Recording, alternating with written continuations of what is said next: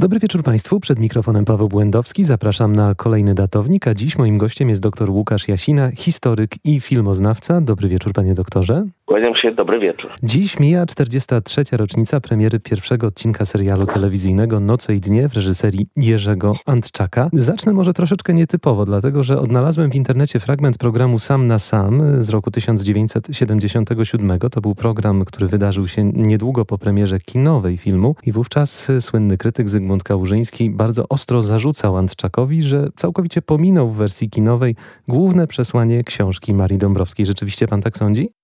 Myślę, że jednak tak nie było. Zygmunt Kałużyński, który był chyba jednym z najlepszych polskich krytyków filmowych, miał taką skłonność, która się czasami krytykom zdarza. To znaczy prowokował y, za wszelką cenę. I y, w wypadku filmu Jerzego Antczaka miał chyba skłonność do prowokacji większa niż zwykle. Może trochę nie lubił Jerzego Antczaka jeszcze z czasów, kiedy ten był szefem teatru telewizji. Może chciał się wyróżnić, ale Jerzy Antczak tego głównego przesłania i w ogóle kilku głównych przesłań, które w tym dziele Malin Dąbrowskiej występują, nie pominął. Myślę, że nawet je wydobył bardzo mocno na wierzch e, poprzez takie, a nie inne obsadzenie głównej roli.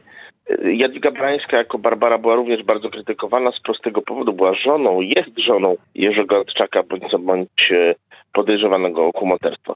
Ale myślę, że publiczność, y, która zagłosowała nogami, idąc w liczbę kilku milionów na ten film, a później oglądając serial w telewizji, pokazała, że chyba jednak Zygmunt Kałużyński nie miał racji. Wspomniał pan, panie doktorze, że wcześniej Jerzy Antczek realizował głównie teatry telewizji. No właśnie, czy to nie było mm, duże wyzwanie dla niego? Czy to nie była bardzo wysoko zawieszona poprzeczka po tych wcześniejszych telewizyjnych produkcjach? On zdążył wcześniej zrobić duży film, który też pewnie państwo i pan, panie redaktorze znają, czyli e, Hrabinę Kozel na podstawie e, powieści Józefa Ignacego Kraszewskiego. To był i film, to był mm. również serial telewizyjny, więc doświadczenie miał ale rzeczywiście inni reżyserzy nie do końca uznawali Antczaka za mm, równego sobie twórcę. I myślę, że on tą świadomość miał, skupiając się bardzo mocno na realizacji tego filmu, bo materiał do filmu i do serialu powstało w ciągu trzech lat. To było realizowanie filmu zgodnie z porą roku. Było tego bardzo, bardzo dużo. Grało bardzo, bardzo wielu aktorów. A później, kiedy już film na ekrany trafił, dostał nominację do Oscara, więc Antczak został kimś formalnie, przynajmniej równym Wajdzie czy Hoffmanowi, e, Andrzeju Wajdzie Jerzemu Hoffmanowi, którzy wtedy tego, te nominacje do Oscara również dostawali. Problem był jeszcze inny. Serial, który realizowano przez 3 lata, był też takim trochę łabędzim śpiewem Jerzego Antczaka w Polsce. On e, wyjeżdżał wtedy z kraju. Widać było jednak, że tutaj się troszeczkę jako duży reżyser nie przyjął. To, co robi wielkie wrażenie, panie doktorze, to także dokumentacja historyczna. Mamy szansę zobaczyć tak zwany fragment, przynajmniej tak zwanego making of w internecie. No i tam mamy i projekt dworku, i najdrobniejsze szczegóły wystroju, nawet y, począwszy, a czy raczej skończywszy na tych najmniejszych przedmiotach domowego użytku, nawet ponoć sadzono krzewy wokół tego dworku.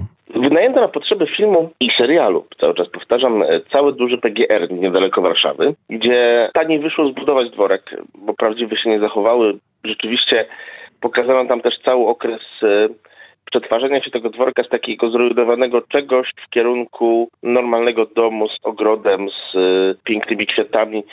Taki bardzo polski dworek tam pokazano, ale nie tylko to, bo przecież e, Noce i Dnie to nie tylko dworek niechciców w Serbinowie, to także Kaliniec, czyli wzorowane na prawdziwym Kaliszu miasto gubernialne, w którym spędziła swoją młodość Maria Dąbrowska.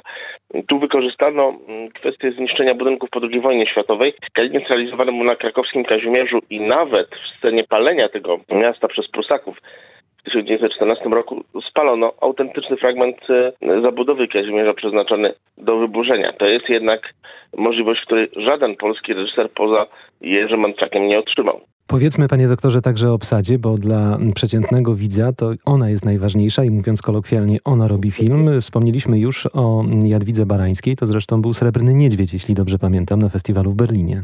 Tak, jest pierwsza tego typu nagroda dla polskiej aktorki. Później było ich więcej za inne filmy, ale Jadwiga Barańska rzeczywiście była pierwsza. Dalej nominacja do Oscara, o której bardzo często zapominamy. Przegrał Jerzy Antczak z wcale nie gorszymi filmowcami od siebie, bo za Markordem e, Felliniego również film ten trafił do dystrybucji na całym świecie, co powoduje, że jest chętnie oglądany i rozumiane. Krytyka zachodnia, w tym słynna bardzo krytyczka Polina KL w y, Nowym Jorku okrzyknęła, i chyba słusznie, noce i dnie polskim przeminęło z wiatrem. To jest podobny okres historyczny, podobne zniszczenie na końcu.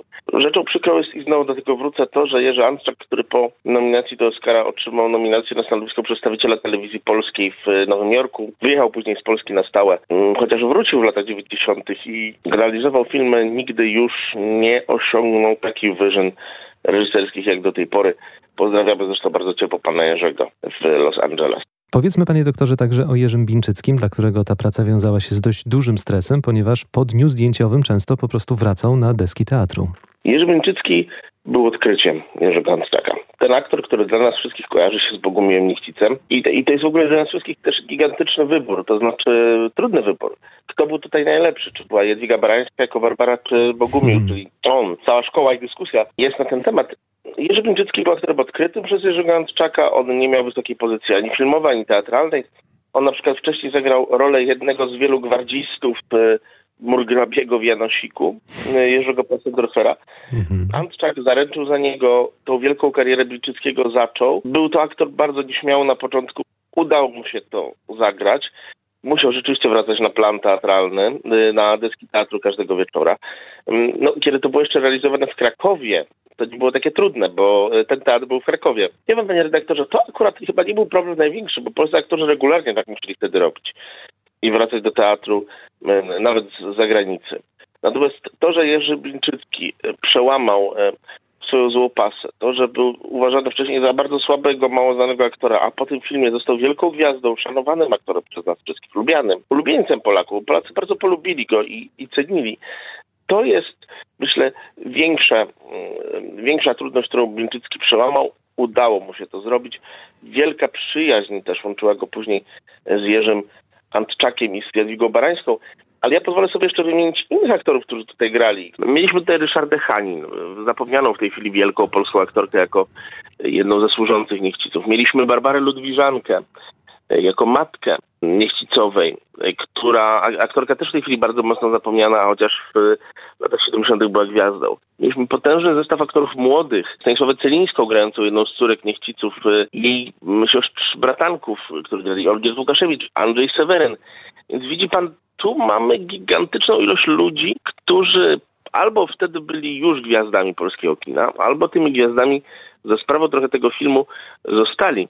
I jak teraz się patrzę na obsadę polskich filmów, to zaczynam zazdrościć że mam takowi, że miał taką możliwość wyboru, taką, a nie inną. To prawda, ta możliwość wyboru rzeczywiście była niezwykła, no ale też y, budżet tego filmu, jak na tamte czasy, robi wrażenie nawet po latach. To oczywiście była kwestia, jakie to były pieniądze. Twórca innego wielkiego filmu, Jerzy Hoffman, żartował, że miał pieniądze na to, żeby każdy z ważniejszych bohaterów miał bursztynowe guzy u kontusza robione na zamówienie w Rydze ale nie miał pieniędzy na drugi obiektyw w, w kamerze pana Vision, który ten film robił. I podobnie trochę było z Jerzym Antczakiem. Też nie miał pieniędzy na lepsze kamery, to były bardzo często jeszcze statywy kamer pochodzące z czasów II wojny światowej, ale mógł e, zbudować dworek, wynająć PGR, spalić część miasta, e, zamówić wspaniałe ubrania. To były zupełnie inne pieniądze. Notabene zaledwie kilka tygodni wyświetlenia tego filmu w amerykańskich kinach spowodowało zwrócenie się tych pieniędzy dla filmu polskiego. E, z uwagi na to, że mieszkańcy Stanów Zjednoczonych płacili to w dolarach. Myślę, że teraz budżet podobny dałoby się w polskim kinie wbrew pozorom osiągnąć, ale nie jestem, panie redaktorze, pewny, czy polscy widzowie poszliby już w takiej ilości na ten film do kina, bo jednak czasy są zupełnie inne. Tak czy siak, noce i dnie pozostały chyba pod prawie każdym względem jednym z największych osiągnięć realizacyjnych polskiego kina.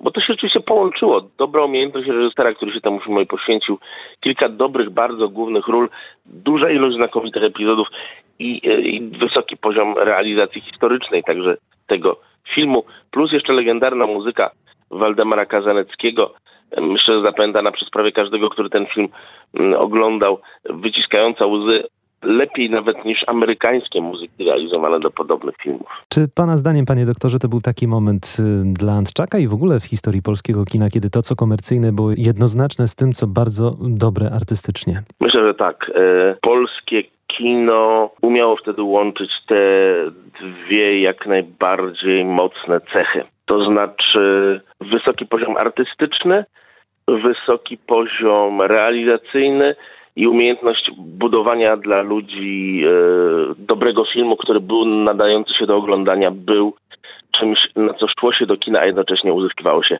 bardzo wysokie wartości. Nie wszyscy krytycy, panie doktorze, chyba zgodzili się z tym zdaniem, z tą opinią Zygmunta Kałużyńskiego, bo przecież film otrzymał także Złote Lwy Gdańskie. Zresztą jeden z pierwszych Złotych Lwów Gdańskich e, wcześniej otrzymał to potop, ale krytycy rzadko kiedy się ze sobą zgadzają. Moim gościem w datowniku był dr Łukasz Jasina, historyk i filmoznawca.